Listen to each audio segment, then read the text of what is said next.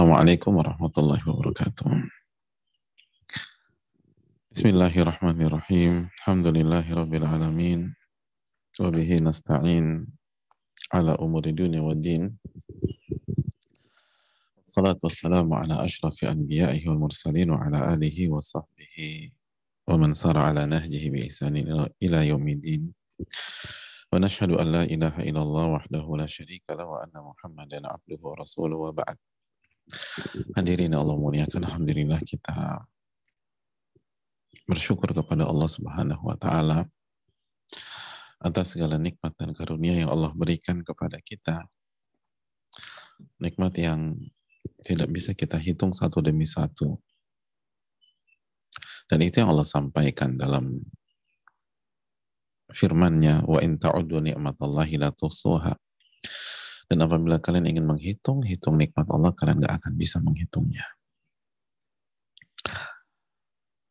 Dan di antara nikmat Allah Subhanahu wa taala bahkan kata para ulama usulul apa aslun min usulin nikmah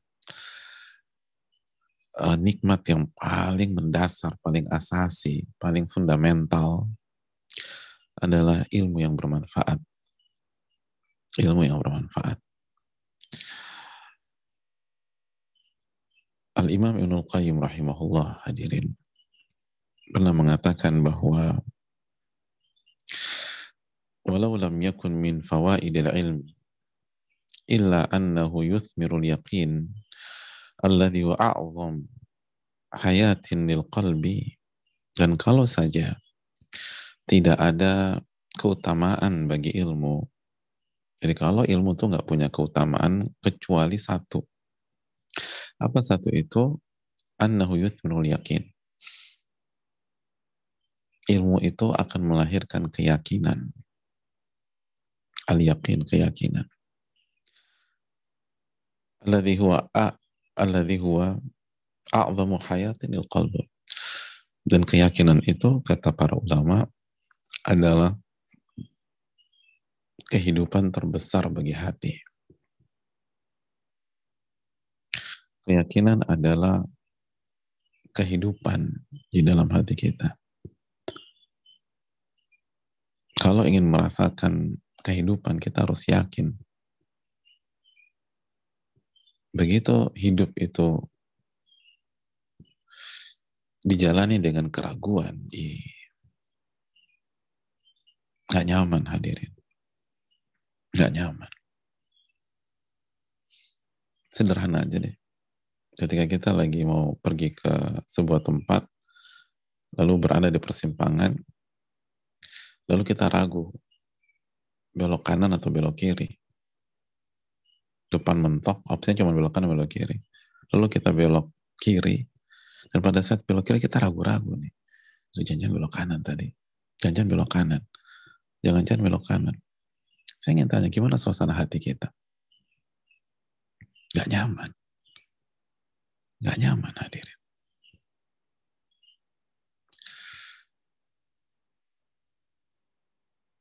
Keyakinan itu penting. Keyakinan itu sangat penting.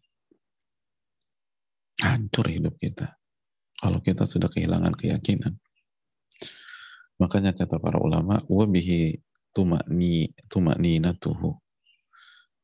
Dengan keyakinan, hati itu jadi tenang hati itu jadi tenang. Wa kuwatuhu. Dan dengan keyakinan, hati itu jadi kuat. Wa nasyatuhu.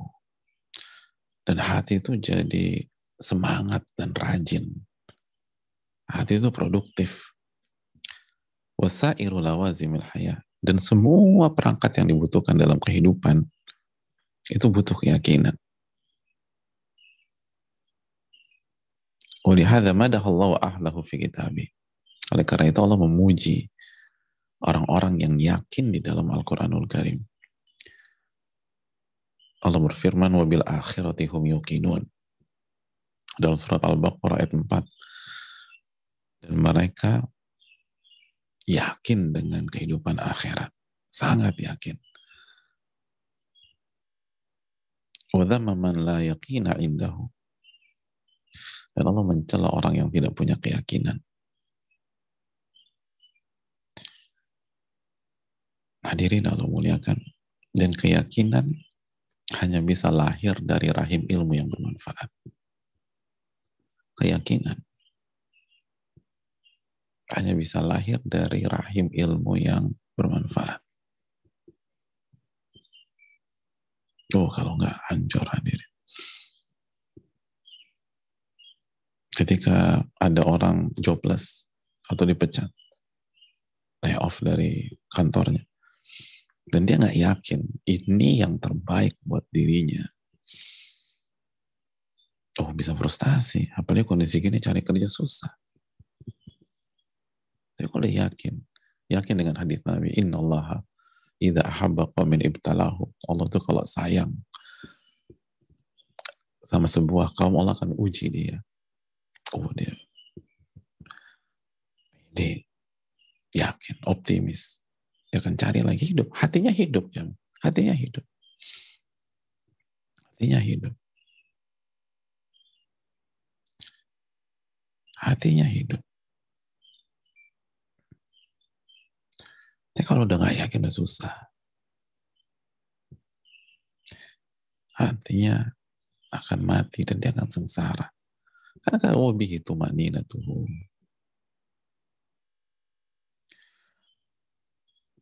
Kita kalau lagi sakit nggak yakin sama Allah, aduh hancur kita coba. Nggak yakin Allah Allah yang penyembuh. Allah akan gugurkan dosa kita, hancur gitu. Tapi itu nggak nggak nggak semudah membalikan telapak tangan kan. Makanya keyakinan itu nggak bisa otomatis. Oke kita rubah, saya yakin. Enggak. Itu harus lahir dari rahim ilmu yang bermanfaat. Ilmu yang bermanfaat. Kalau nggak bisa. Dan harus mujahadah, harus berjuang. Kalau nggak kita terombang ambing, maka bersyukurlah kepada Allah Subhanahu wa Ta'ala. Ketika kita diberikan kesempatan untuk belajar, menuntut ilmu, dan sekaligus menguatkan keyakinan kita. Hadirin yang Allah muliakan. Lalu mintalah pertolongan kepada Allah akan Allah anugerahkan kita ilmu yang bermanfaat. Minta tolong kepada Allah. Allahumma inna nas'aluka ilman nafi'a wa na'udzubika min ilmin la yanfa'. Ya Allah berikanlah kami ilmu yang bermanfaat dan lindungilah kami dari ilmu yang tidak bermanfaat. Ilmu yang hanya diucapkan, hanya teori, hanya dicatat, hanya dimengerti, tapi tidak melahirkan keyakinan dan amal soleh. Semoga Allah lindungi kita jamaah sekalian. Lalu kuatkan syahadatain kita. Bahwa kita ini hamba sekali lagi. Hamba yang dituntut untuk beribadah kepada Rabbul Alamin dan tidak melakukan kesyirikan, tidak beribadah kepada selain Allah, hanya tunduk, merendah, menghinakan diri, dan di waktu yang sama mencintai Rabbul Alamin Subhanahu wa Ta'ala. Oleh karena itu, dalam beribadah kita hanya punya satu jalan, yaitu jalan tuntunan Nabi kita Sallallahu Alaihi Wasallam maka marilah kita mengikuti tuntunan jalan sunnah Nabi kita alaihi salatu wassalam. Lalu marilah kita bersalawat kepada beliau, kepada keluarga, sahabat, dan orang-orang yang istiqomah berjalan di bawah naungan sunnah beliau. Sallallahu alaihi wasallam. Hadirin, masih bersama dengan Imam Nawawi Semoga Allah merahmati beliau, keluarga beliau dan seluruh kaum muslimin yang yang uh, masih berada dalam kehidupan dunia atau yang sudah wafat. Semoga Allah, Allah merahmati mereka semua. Amin ya rabbal alamin. Masih bersama bab mujahadah dan masih bersama hadis kursi yang panjang di hadis yang ke-17 dari Abu Dhar radhiyallahu taala an Jundub bin Junadah. Jundub bin Junadah dan nama namanya nama Abu Dhar. Hadirin, kita masuk ke penggalan berikutnya. Tapi sebelum kita masuk, Coba tanya diri kita, sudah kita amalkan belum pelajaran kemarin? Sudah minta makanan belum sama Allah? Yang makan malam tadi malam. Sebelum makan udah berdoa sama Allah Jalla wa'ala. Alhamdulillah aku gak makan malam Ustaz, aku diet. Oke, okay, makan siang. Makan siang kemarin. Atau sarapan. Atau ilmu kita langsung hilang mintalah pertolongan kepada Allah. Minta makan kepada Allah. Fastad fastad imuni ut'imkum. Mintalah makanan kepada aku, aku akan kasih makanan. Dan didik anak-anak kita dan keluarga kita dengan konsep ini. Bahwa kalau Allah nggak kasih makanan kepada kita, uh, kita akan hidup kelaparan jamaah. Apa sulitnya bagi Allah SWT melakukan hal tersebut? Apa sulitnya bagi Allah? Dan Allah muliakan. Sangat gampang loh. Gak sangat gampang Allah gak kasih kita makanan. Sangat gampang. Dan gak harus dihilangkan seluruh makanan di Jakarta atau di Jabotabek atau di Indonesia yang sangat subur ini. Enggak. Allah tinggal buat tubuh kita nolak. Maka setiap makan muntah, setiap makan muntah, setiap makan muntah. Ada banyak, ada kasus banyak jangan. Nah, makanan depan mata, terus setiap makan muntah. Setiap makan muntah. Setiap makan muntah. Allahu Akbar. Allahu Akbar. Makanan ada, tapi nggak dikasih sama Allah Subhanahu wa taala. Kalau buat tubuhnya nolak.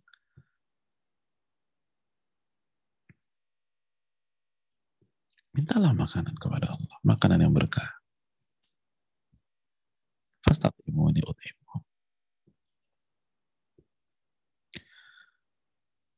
Jadi jangan berpikir terlalu simpel. Rob kita ini ala kulli syai'in qadir. Rob kita Allah Subhanahu wa taala itu mampu melakukan segala sesuatu hadirin. Kita baca setiap hari. Walam yakul lahu kufuan ahad. Nggak ada yang serupa dengan Allah. Nggak ada yang serupa. Jadi logika manusia, oh makanan kalau ada, ada bisa. Nggak ada yang serupa dengan Allah. Allah kalau ingin buat kita nggak bisa makan, gampang. Gampang. Oh mudah aja. Makanan depan mata kita nggak ada yang bisa kita makan. Atau dibuat pantangan nggak boleh nggak boleh nggak boleh nggak boleh nggak boleh nggak boleh. Depan mata semua makan enak-enak ada yang boleh kita makan. Hadirin Allah muliakan. Mintalah makanan yang berkah yang bisa membuat kita beribadah kepada Rabbul Alamin. Dan minta pakaian kepada Rabbul Alamin minta pakaian pakaian yang halal pakaian ketakwaan. Jangan jangan sampai pakaian kita mungkin kita nggak mungkin kita nggak nggak nggak telanjang atau nggak naked tapi dihukumi telanjang sama Nabi SAW. Kan itu dalam hadis kan bisa unkasiyatun ariyatun wanita yang berpakaian tapi telanjang. Minta kekuatan untuk mengamalkan dan seterusnya. Hadirin Allah muliakan. Jadi tolong diamalkan, minta makanan kepada Allah, minta pakaian, dan minta halal kecil. Karena kalau Allah nggak kasih taufik, hal kecil itu jadi besar. Hal kecil itu jadi besar. Dan jadi susah untuk kita dapatkan. Jangan pernah remehkan. Jangan pernah remehkan hal tersebut. Hargai dan syukuri.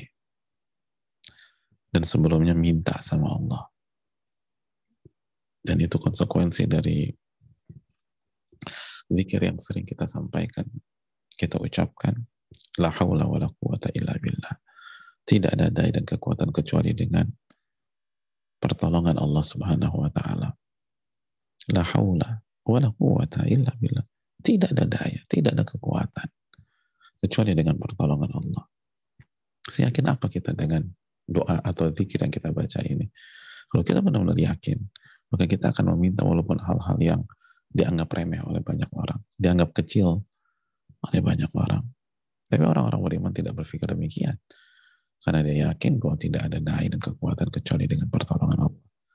Hal yang sederhana seperti makanan, minuman, di rumah kita dispenser, air selalu ngalir. Bahkan kita ada mungkin di sebuah daerah yang air itu tinggal minum aja, nggak perlu dimasak lagi. Tapi kalau Allah nggak kasih taufik, nggak bisa kita minum. Allah Ta'ala alam bisawab.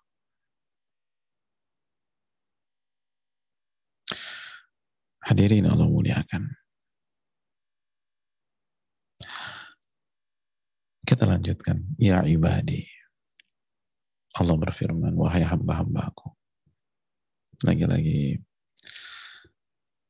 Allah memanggil kita dengan panggilan yang indah, wahai hamba-hambaku. Wahai hamba-hambaku. Ya Allah. sekarang di sisi kita benar nggak kita mengakui bahwa kita ini hamba Allah Allah udah manggil kita wahai hamba-hambaku tapi banyak orang nggak mengakui. Nggak mau jadi hamba Allah. Padahal Allah udah bilang wahai hamba-hambaku makanya gak hidupnya kayak bos udah nggak mau diatur sama Allah. Nggak mau diarahkan sama Allah. Nggak mau diperintah sama Allah. Nggak mau dilarang sama Allah. Ini bos, bukan hamba. Mereka akan sengsara dalam kehidupannya. Allah memanggil kita, Ya ibadi, hamba-hambaku. Innakum tukhti'una bil-laili wan nahar. Kalian itu melakukan kesalahan di malam dan siang hari kalian itu melakukan kesalahan, melakukan dosa di malam dan siang hari. Di setiap hari. Malam dan siang. Atau siang dan malam. Wa ana dhunuba jami'ah. Dan aku, kata Allah, mengampuni seluruh dosa. Aku mengampuni seluruh dosa Fastakfiruni akfir lakum. Maka beristighfarlah kepadaku, mohon ampunlah kepadaku, niscaya aku akan mengampuni kalian. Allahu Akbar. Hadirin yang Allah muliakan,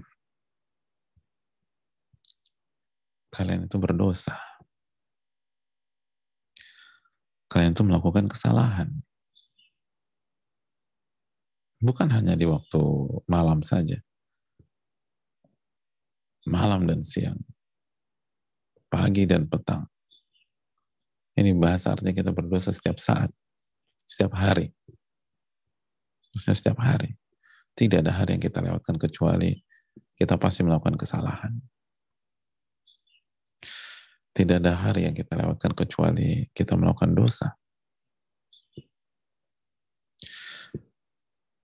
Walaupun mungkin kita dikurung, diisolasi, diisolasi dalam kamar, atau yang sedang sedang isolasi sekarang, memang nggak berpotensi melakukan dosa, dosa pikiran, dosa hati,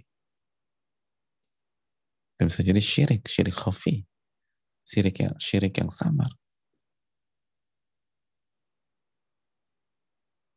Nggak ngapa-ngapain tiduran aja. Tapi hati kita bisa berdosa, jamaah.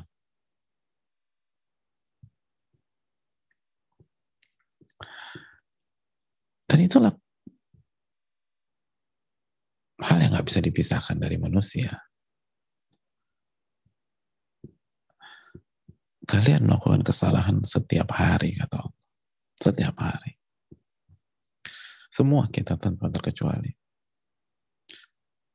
Yang berbicara maupun yang mendengarkan.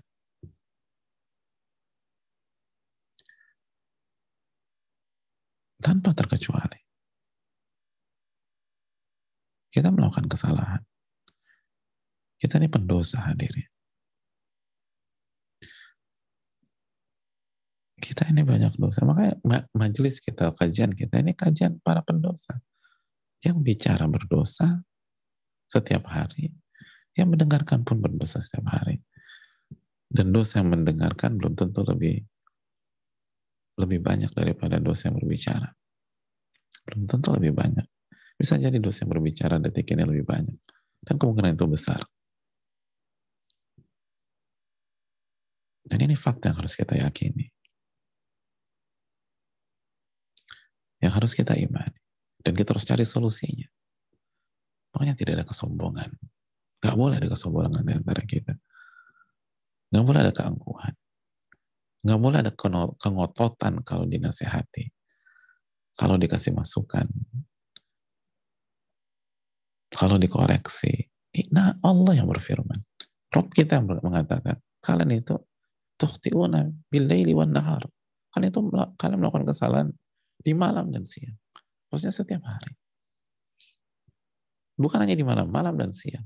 Ya malam, siang, pagi, sore. Gak boleh ada di antara kita yang sok suci. Merasa sudah ngaji. Merasa sudah hijrah.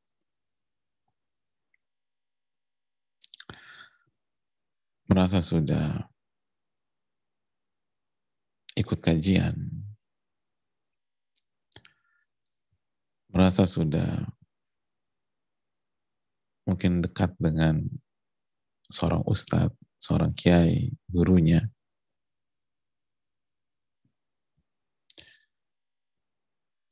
atau sudah mempelajari sunnah Nabi Shallallahu Alaihi Wasallam, nggak ada di antara kita yang bisa mengklaim dirinya suci atau bersih dari dosa. Dan hadirin Allah muliakan dan tidak diperbolehkan hal tersebut. Tidak diperbolehkan hal tersebut.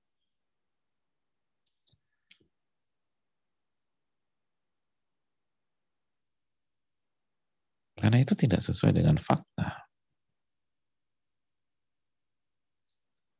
tidak sesuai dengan fakta. Kita ini pendosa. Harus kita camkan baik-baik. Kita ini banyak dosa. Maka tidak boleh buka, jangan membuka pintu kesombongan walaupun sekecil apa pun. Jangan buka pintu ujub sekecil apa pun. Dan merasa diri tinggi.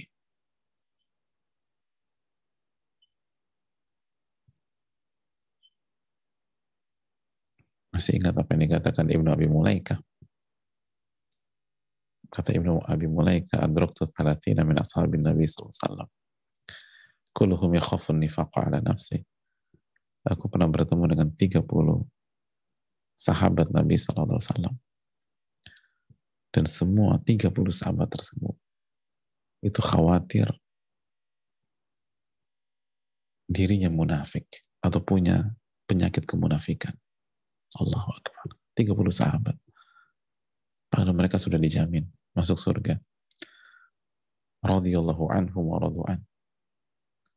Mereka sudah dijamin dapat garansi diridhoi oleh Allah Subhanahu wa taala. Masih khawatir dan itulah sifat yang benar.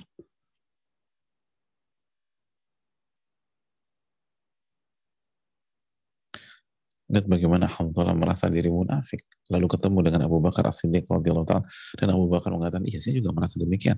Dan saya munafik juga. Abu Bakar merasa diri munafik. Lalu kita merasa diri suci. Baik secara langsung atau mungkin tidak langsung. Jarang ya orang merasa diri suci bicara langsung. Oh, ini saya suci loh.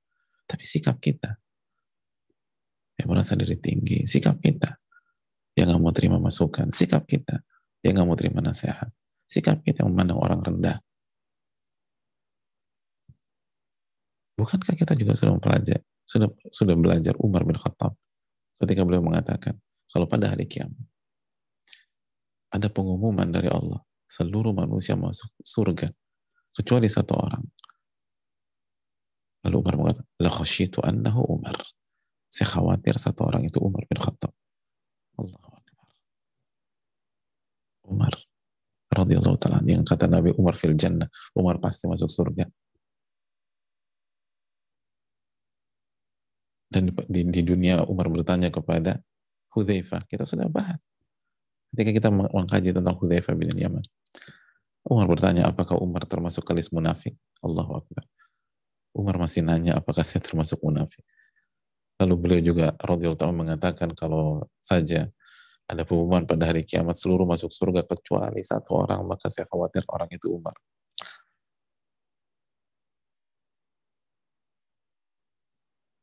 Apakah kita bisa memiliki makom seperti itu, jemaah? Merasa diri banyak kekurangan dan butuh kepada Allah. Kita mungkin kalau di hari kiamat ada pengumuman seluruh orang, seluruh manusia masuk surga kecuali 10 orang kita lega nih. Alhamdulillah. Loh, pede banget mas? Kan belum ada pengumuman namanya. Iya sih, aku tahu banyak dosa, tapi kan masih ada Fir'aun, masih ada Namrud, masih ada Abu Jahal, Abu Lahab. Udah lah, 10 pas lah. Ya saya, saya mau maksiat, saya mungkin zina segala, tapi kan saya nggak separah mereka. Mungkin ada pemikiran seperti itu, subhanallah. Kalau lim, kecuali 50 orang, mungkin kita masih pede. Alhamdulillah 50. Kok Alhamdulillah kan belum ada pengumuman. Tapi kan ada kaum Nabi Lut gitu loh. Kan ada Bani Israel yang durhaka sama Nabi Musa. Kan ada Alu Fir'aun. Fir'aun kan nggak sendirian, ada Alu Fir'aun. Allah suka mengatakan alu Fir'aun.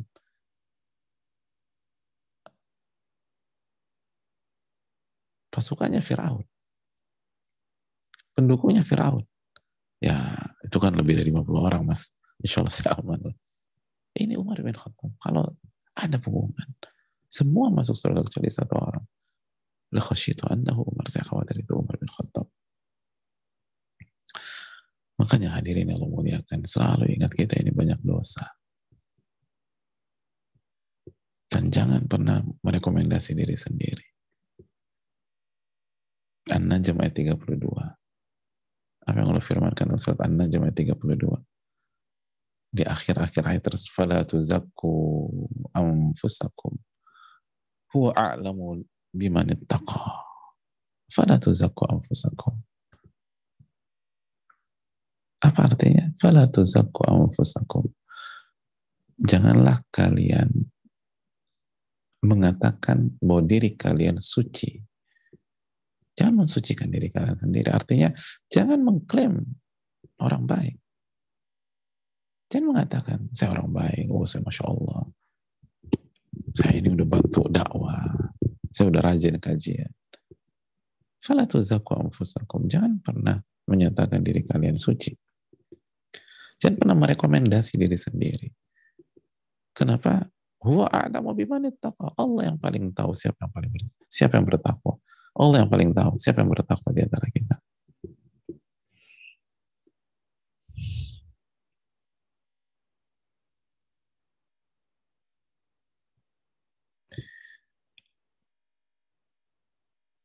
Makanya kata Imam Susi dalam keikhlasan, Man syahida ala ikhlasil ikhlas faqad ihtaja ikhlasul ala ikhlas. Barang siapa yang mengklaim dirinya ikhlas dalam sebuah amalan, maka amalan tersebut perlu direvisi kembali sepertinya. Karena ciri-ciri orang ikhlas tidak mengklaim dirinya ikhlas.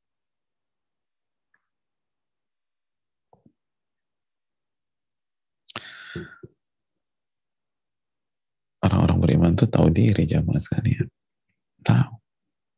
Karena mereka belajar. Nggak kepedean.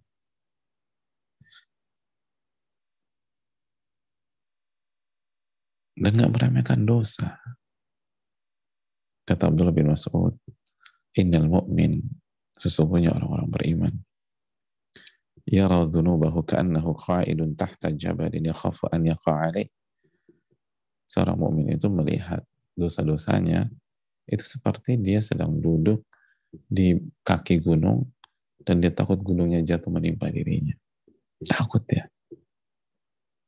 Wa innal fajir dan orang-orang fajir, orang-orang fasik yara dhunubahu. Dia melihat dosa-dosanya.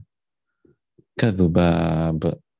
Seperti seekor lalat yang mengganggu. Marra ala anfihi faqala bihi hakada. Lalu lalat itu hinggap di hidungnya lalu dia khusus pergi pergi. Udah iya udah. Artinya apa? Ngeremehin. Cuman gini gini iya, iya, iya dosa ya. Gue tahu dosa. Ya udah Allah ghafurur rahim ngandelin keterangan para ulama yang kita jelaskan tapi disalah kaprahkan oh Allah kan ting asal kan jangan solimi orang lain. Do, do, maksiat sama Allah kan gampang. Loh enggak. Lima yasha. Yang diampuni hanya orang-orang pilihan kata Allah. Betul Allah Ghafur Rahim. Tapi kalau itu dimanfaatkan dengan keculasan manusia oh itu dosa besar. Itu dosa yang gak ringan jamaah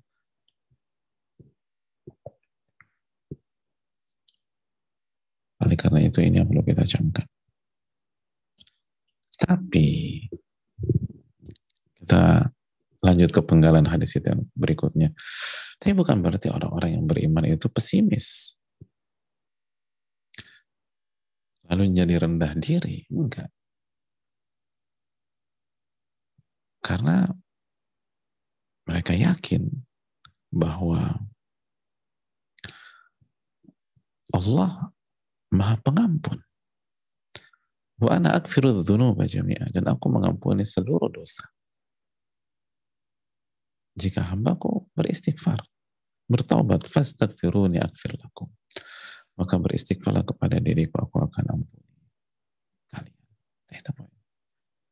Jadi solusinya istighfar, bukan solusinya kepedean, ujub, merasa diri suci. Kita ini banyak dosa. Maka perbanyaklah istighfar. Niscaya Allah akan mengampuni kita. Perbanyaklah istighfar. Perbanyaklah istighfar dan perbanyaklah istighfar. Itu solusi. Pokoknya itu yang dilakukan Nabi kita Shallallahu Alaihi Wasallam sebagaimana yang kita tahu bersama dan sudah kita bahas dalam bab taubat. Wa inilah astagfirullah wa tubu ilaiku la yaumin mi'ata marrah. Aku beristighfar kepada Allah dan aku bertobat kepada Allah sehari itu sebanyak seratus kali. Mi'ata marrah. Bahkan diriwayatkan para sahabat ketika mengetahui Nabi SAW sekali, mereka lebih dari itu setiap hari. Karena mereka mikir, ya Nabi diambil aja 100 apalagi saya. Dosa saya kan banyak. Dilebihkan. Dan salah satu riwayat ada ribuan. Mereka beristighfar setiap hari.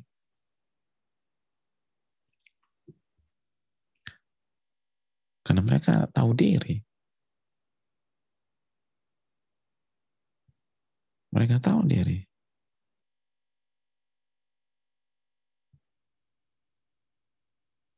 Hadirin Allah muliakan.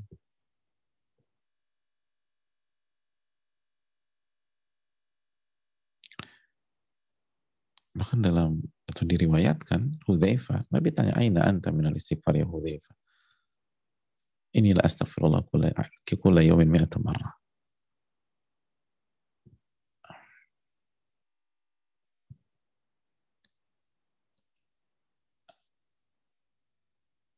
Hadirin Allah muliakan. Bahasanya bagaimana dengan istighfar memuai Hudzaifah? Aku ini beristighfar seratus kali. Hadithin keluar Imam Ahmad, walaupun sanatnya dhaif, didaifkan oleh sebagian para ulama, karena ada rawi yang jahala, tapi penggalan terakhirnya itu sahih li Artinya kita tuh dianjurkan untuk beristighfar dan beristighfar. Dan para sahabat dianjurkan istighfar oleh Nabi SAW. Jadi balance gitu. Di satu sisi kita merasa diri berdosa, tapi di satu sisi kita tahu ada jalan keluarnya. Jadi hidup tuh setiap hari tuh begitu. Gak ada kesempatan untuk kesombongan. Gak ada. Gak ada kesempatan. Sebenarnya nggak ada peluang gitu. Kalau kita tahu diri. Makanya kan rahimallah, rahimallahu mar'an arafa qadra nafsi. Semoga Allah rahmati seseorang. Semoga Allah merahmati seseorang yang tahu diri. Oh, banyak dosa kok sombong. Banyak dosa kok merasa diri suci. Banyak dosa kok ngeremehin orang. Banyak dosa kok menganggap diri melihat orang lain itu rendah. Banyak dosa. Tapi down, hancur, enggak. Istighfar kepada Rabbul Alamin. Istighfar kepada Allah Subhanahu wa taala.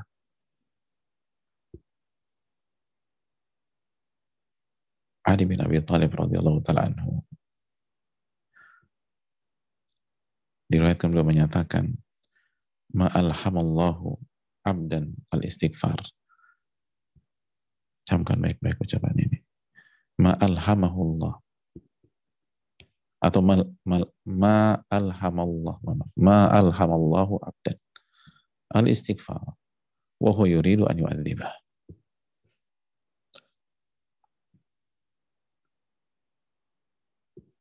Allah tidak mengilhamkan, tidak memberikan taufik kepada seorang hamba untuk beristighfar, sedangkan dia ingin mengadab hamba tersebut. Allahu Akbar. Jadi artinya, kalau Allah kasih taufik kepada kita, Allah mudahkan kita beristighfar setiap hari, maka itu tandanya Allah tidak ingin mengadab kita. Tidak ingin mengadab kita. Tapi kalau kita lupa beristighfar, meremehkan, selalu aja, maka itu peringatan hadirin. Jadi coba tanya diri kita, apakah kita beristighfar setiap hari? Apakah kita beristighfar setiap hari?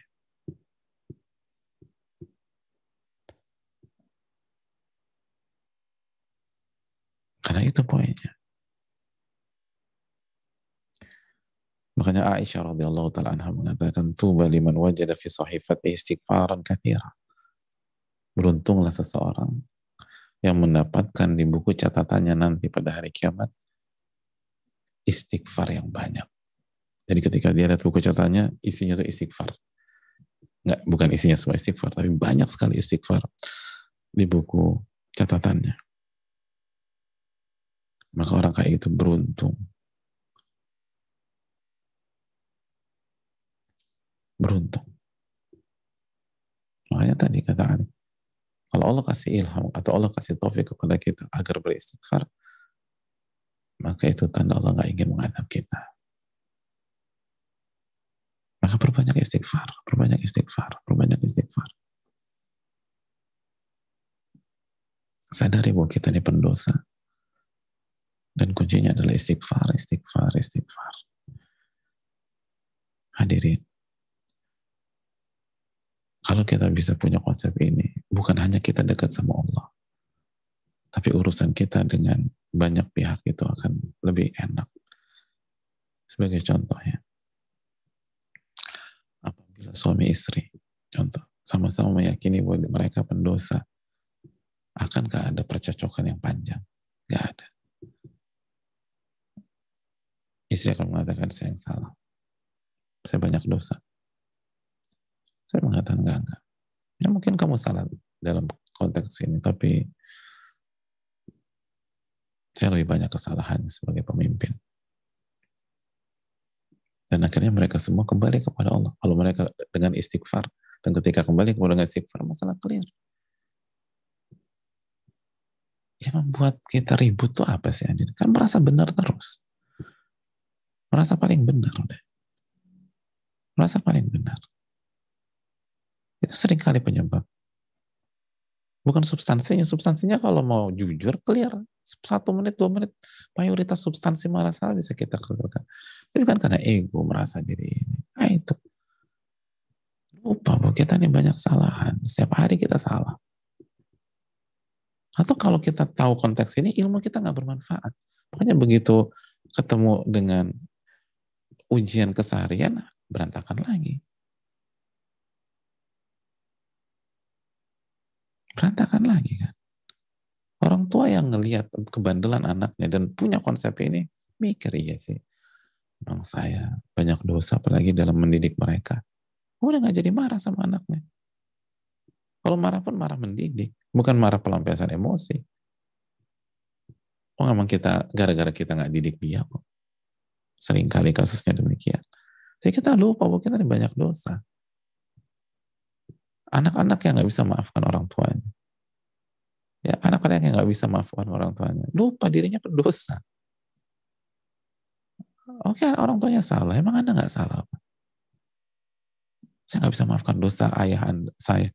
Emang Anda nggak punya dosa? Emang dosa Anda lebih sedikit daripada ayah Anda? Subhanallah. Rasa diri. Akhirnya tahunan gak maafin ayahnya, subhanallah. Tahunan gak maafin ibunya. Bahkan ada yang sampai meninggal dunia, subhanallah. Cuman karena satu dua dosa. Bukan meremehkan dosa tersebut. Tapi dia menjadikan satu dua dosa orang tuanya sebagai alasan dia membenci orang tuanya. Lalu Anda punya banyak, Anda punya berapa dosa? Setengah, seperempat, setiap hari kita berdosa, lalu Anda menjadikan satu dua dosa orang tua Anda sebagai dalih tidak ingin memaafkan dia karena hawa nafsu kita. Karena ego kita, subhanallah. Merasa lebih baik dari orang tua. Itu kibar kan. Merasa lebih baik dari merasa lebih merasa lebih suci dari orang lain aja nggak boleh. Ini lebih merasa lebih suci dari orang tua kita yang melahirkan, yang mempertaruhkan nyawa, yang nafkahin kita. Subhanallah. Ini, ini, ini banyak bikin rusak kita tuh gara-gara ini.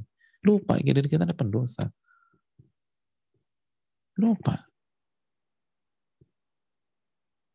Sekali lagi, kalau kita tahu diri dalam ujian kimia kemarin, kita dapat tiga karena banyak melakukan kesalahan dalam menjawab. Kira-kira kita punya waktu nyijirin orang nggak? Atau marah sama orang gara-gara dia buat kesalahan di ujian kimia yang sama. Enggak kan. Kita mikirin diri kita. Kita nggak, nggak, nggak tertarik mikirin orang. Saya, aduh kenapa dapat tiga ya? Lalu kita ist, apa, kita istighfar. Lalu kita perbaiki diri. Itu kan. Ada banyak istri nggak bisa maafin suaminya. Gara-gara satu atau dua kesalahan suami. Dia lupa, dia banyak dosa juga. Anda nggak bisa maafin kesalahan suami Anda. Berapa sih? Ya gara-gara dia itu salah. Subhanallah. Lalu Anda cuma punya satu kesalahan, cuma punya setengah, cuma punya seperempat.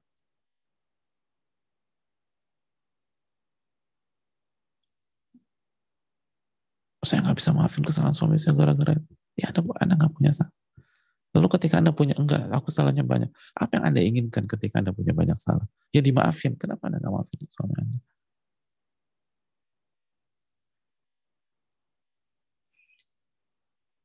Atau kita suami, gara-gara satu dua kesan istri, selesai. Dikit-dikit talak, dikit-dikit talak. Lupa talak itu cuma tiga. Bukan begitu caranya. Oh, kita juga banyak dosa. Kita yang kita pemimpin yang nggak bisa didik istri kita Emang kita udah didik istri kita? Kita udah ajarkan dia untuk bertakwa kepada Allah. Kesalahan kita juga. Dalam mendidik karena istri kita begitu. Ini kan yang bikin rusak banyak hal. Ilaman rahimah rabbuh, kecuali yang dirahmati oleh Allah. Kecuali yang dirahmati oleh Allah.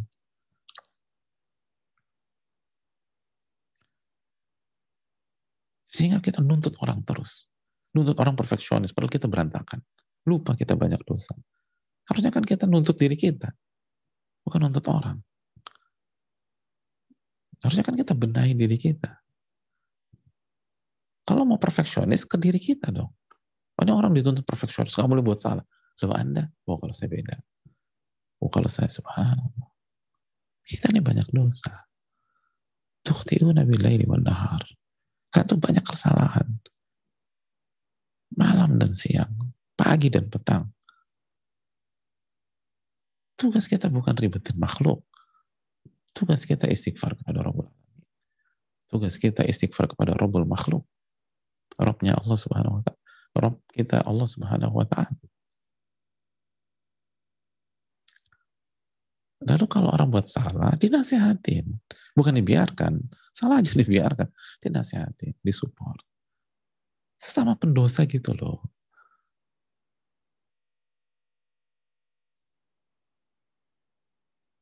Wong di dunia jalanan ada ada apa? Ada ada yang sesama supir jangan saling mendahului. Kita sama pendosa. Sesama pendosa saling support lah. Saling mengingatkan satu dengan yang lain. Saling menasehati. Kalau marah-marah mendidik. Bukan marah benci bukan marah emosi, bukan marah, marah karena kita merasa diri lebih baik dari dia. Secara langsung maupun tidak langsung. Dan kita juga banyak kesalahan. Dan kita berharap kesalahan kita dimaafkan. Kita berharap kesalahan kita tidak disikapi dengan emosi. Siapa di antara kita pengen kesalahan kita disikapi dengan emosi? Ada. Kalau Anda coba lapor admin, kita kasih hadiah. Saya tuh pengen banget kesalahan saya disikapi dengan emosi, Ustaz. Gak ada orang begitu.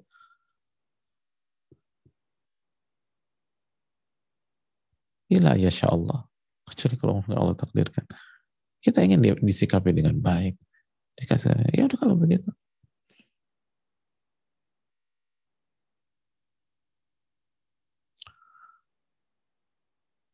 Kita, siapa di antara kita yang ingin kesalahan kita disikapi dengan dijatuhkan? Ada. Sekali kalau ada, lapor ke kita kasih hadiah. Kok bisa ada begitu? Kita inginkan. Ya udah kalau gitu jangan lakukan itu kok.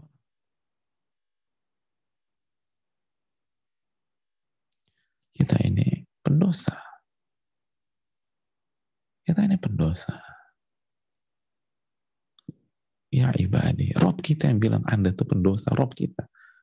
Bukan guru kita. Bukan ustadz kita. Bukan kiai kita. Bukan ulama kita. Rob kita, pencipta kita. Yang paling tahu siapa kita. In, ya ibadi, innakum tukhti'un. Billaili wa nahar. Kalian itu pendosa. Saya ini paling tahu kalian. Kalian itu pendosa. Siang dan malam. Malam dan siang dan aku mengampuni seluruh dosa. Istighfarlah kepada aku. Jadi sikap pendosa istighfar kembali ke Allah dan saling dukung di antara kita untuk kembali ke Allah. Itu. Kembali ke Allah. Fastagfiruni. Jadi sekali lagi tugas kita adalah sesama dosa ajak setiap kita istighfar ke Allah. Udah clear. Clear. Enak kan kalau begitu. Suami ngeliat istrinya salah, istighfar kepada Allah. Udah, case closed. Sedih tutup. Istighfar kepada Allah. Istri ngeliat suaminya salah, istighfar dan tobat kepada Allah. Sahabat ngeliat sahabatnya salah, bro, lo istighfar dan tobat sama Allah. Udah kita kita bangkit lagi. Eh, alangkah indahnya masalah rumah tangga kalau masalah konsepnya gini kan. Kata suami, kata suami udah istighfar, istighfar tobat sama Allah. Kembali minta pertolongan sama Allah. Istrinya juga, suaminya lakukan kesalahan, kesalahan fatal misalnya. Istrinya bilang, udah istighfar dan tobat kepada Allah. Semoga Allah mengampuni kita semua. Kakak ngeliat adiknya gitu, istighfar kepada tobat. Adik ngeliat kakaknya gitu, bang, udah tobat istighfar sama Allah. Eh, indah, indah gak sih hidup kayak begitu jemaah? Eh, luar biasa. Luar biasa. Rekan satu tim kita melakukan kesalahan fatal. Kita datengin. Lo tobat, lo istighfar. Udah. Kita berjuang lagi.